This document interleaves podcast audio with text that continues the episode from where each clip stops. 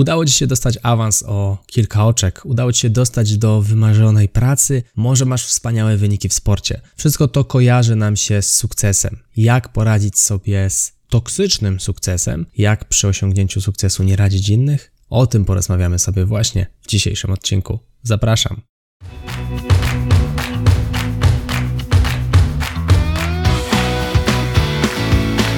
Chcesz przenieść swoją karierę na wyższy poziom? Nieważne, czy pracujesz na etacie, czy jesteś przedsiębiorcą. Świetnie trafiłeś.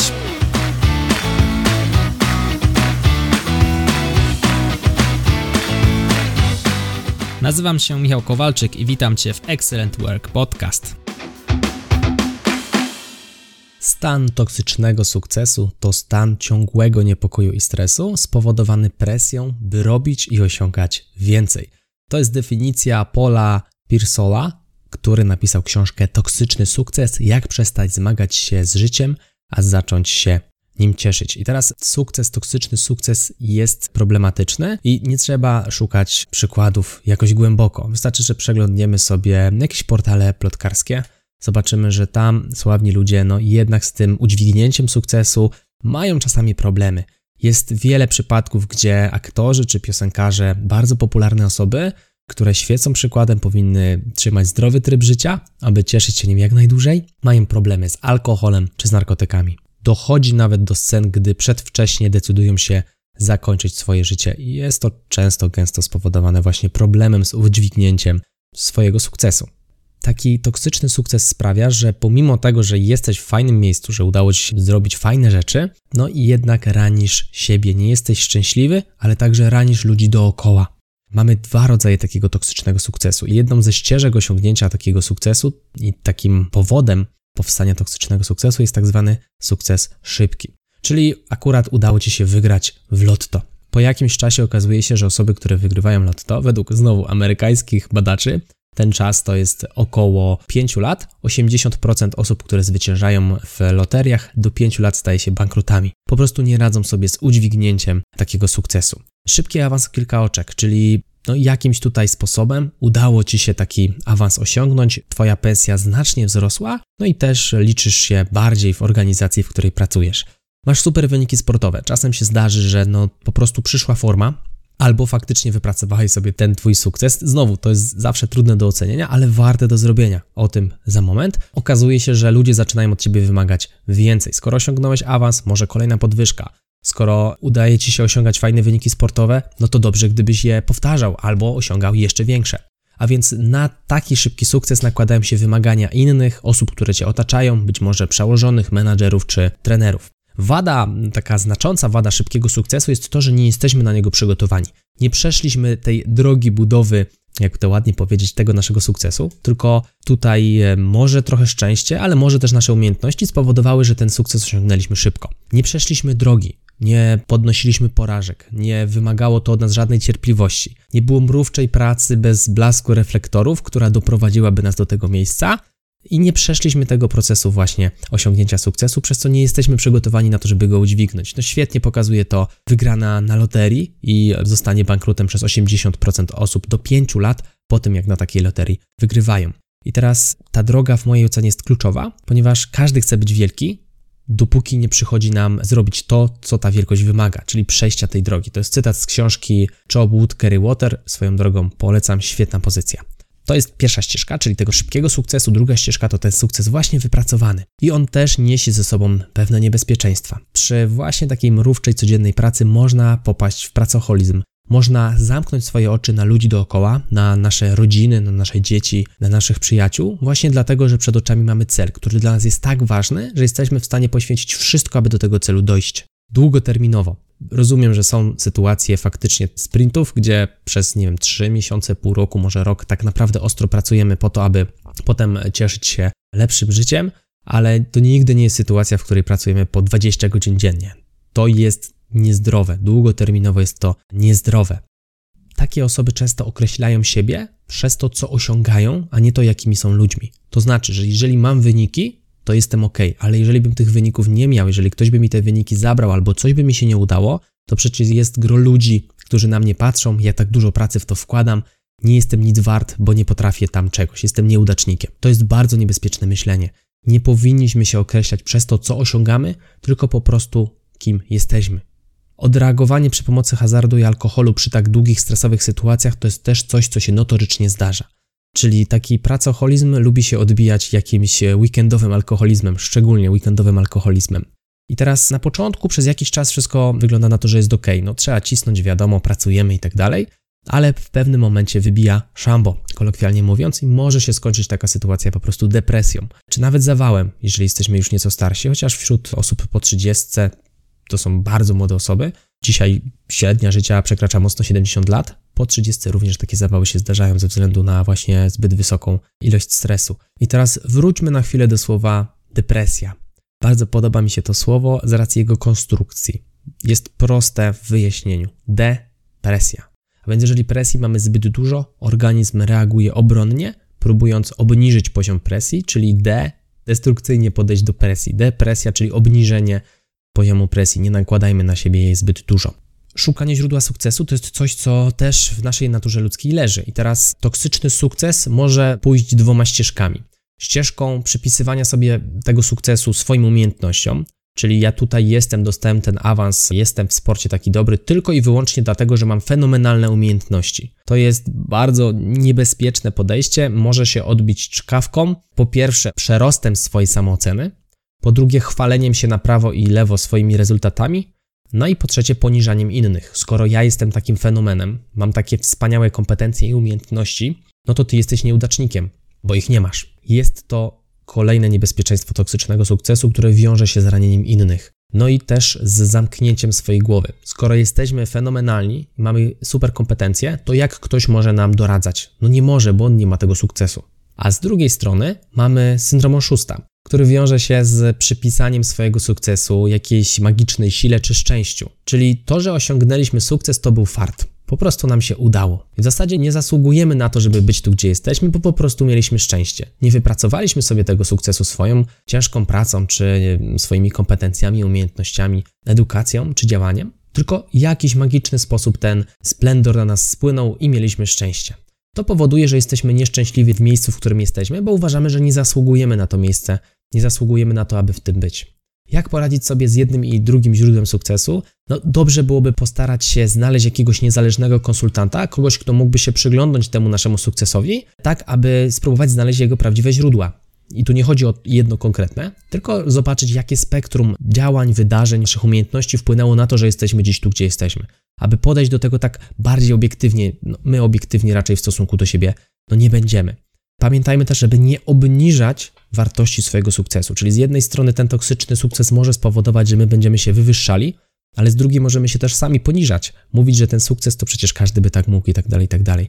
A więc z jednej strony to niebezpieczeństwo ranienia innych przez wywyższanie, ale z drugiej niebezpieczeństwo umniejszania sobie, no i przez to niecieszenia się miejscem, w którym się jest. To jest trudne, ponieważ ten toksyczny sukces, w ogóle kwestia sukcesu jest trudna, trzeba ją sobie wypośrodkować, żeby zdrowo do tego tematu podejść. No i jak już wcześniej wspominałem, ranienie innych będzie wiązało się też z wywoływaniem zazdrości. I nawet to się dzieje zaocznie, czyli my niekoniecznie chcemy wśród tych ludzi, którzy nas otaczają, tę zazdrość wywoływać, natomiast no, niestety są wokół nas pewnie ludzie, mam nadzieję, że nie, ale jednak czasami się zdarzają ludzie, którzy chcą skorzystać na znajomości z człowiekiem sukcesu.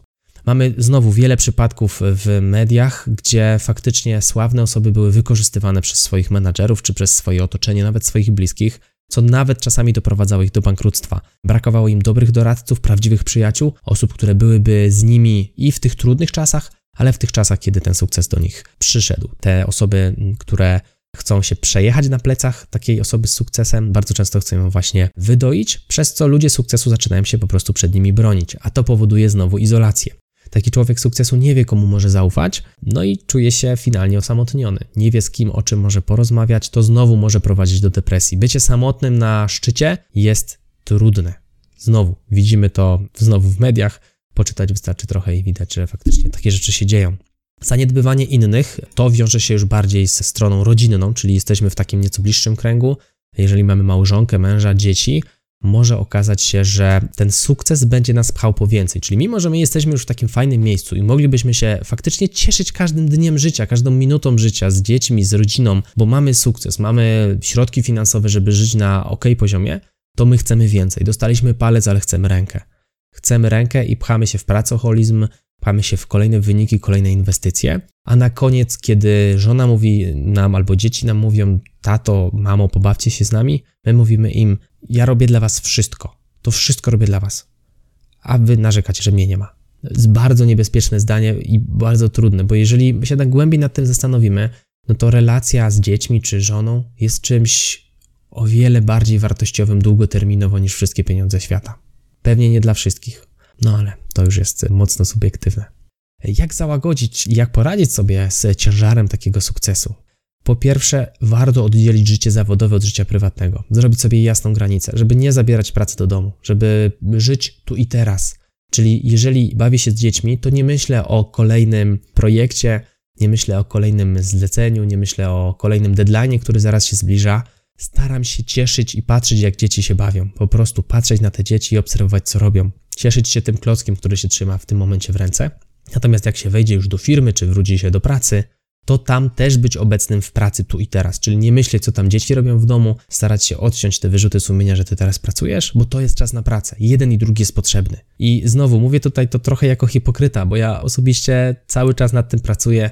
Pracuję nad tym z psychoterapeutą, właśnie nawet nie nad tym, żeby, jakby to ładnie powiedzieć, udźwignąć sukces, bo z tym problemu nie mam. Raczej pracuję właśnie nad tym, żeby nie mieć tych wyrzutów sumienia. No, pani psychoterapeuta powiedziała, że jest jak najzwyczajniej w świecie możliwe i ludzie tak po prostu mają, że pracując myślą o dzieciach, siedząc z dziećmi myślą o pracy.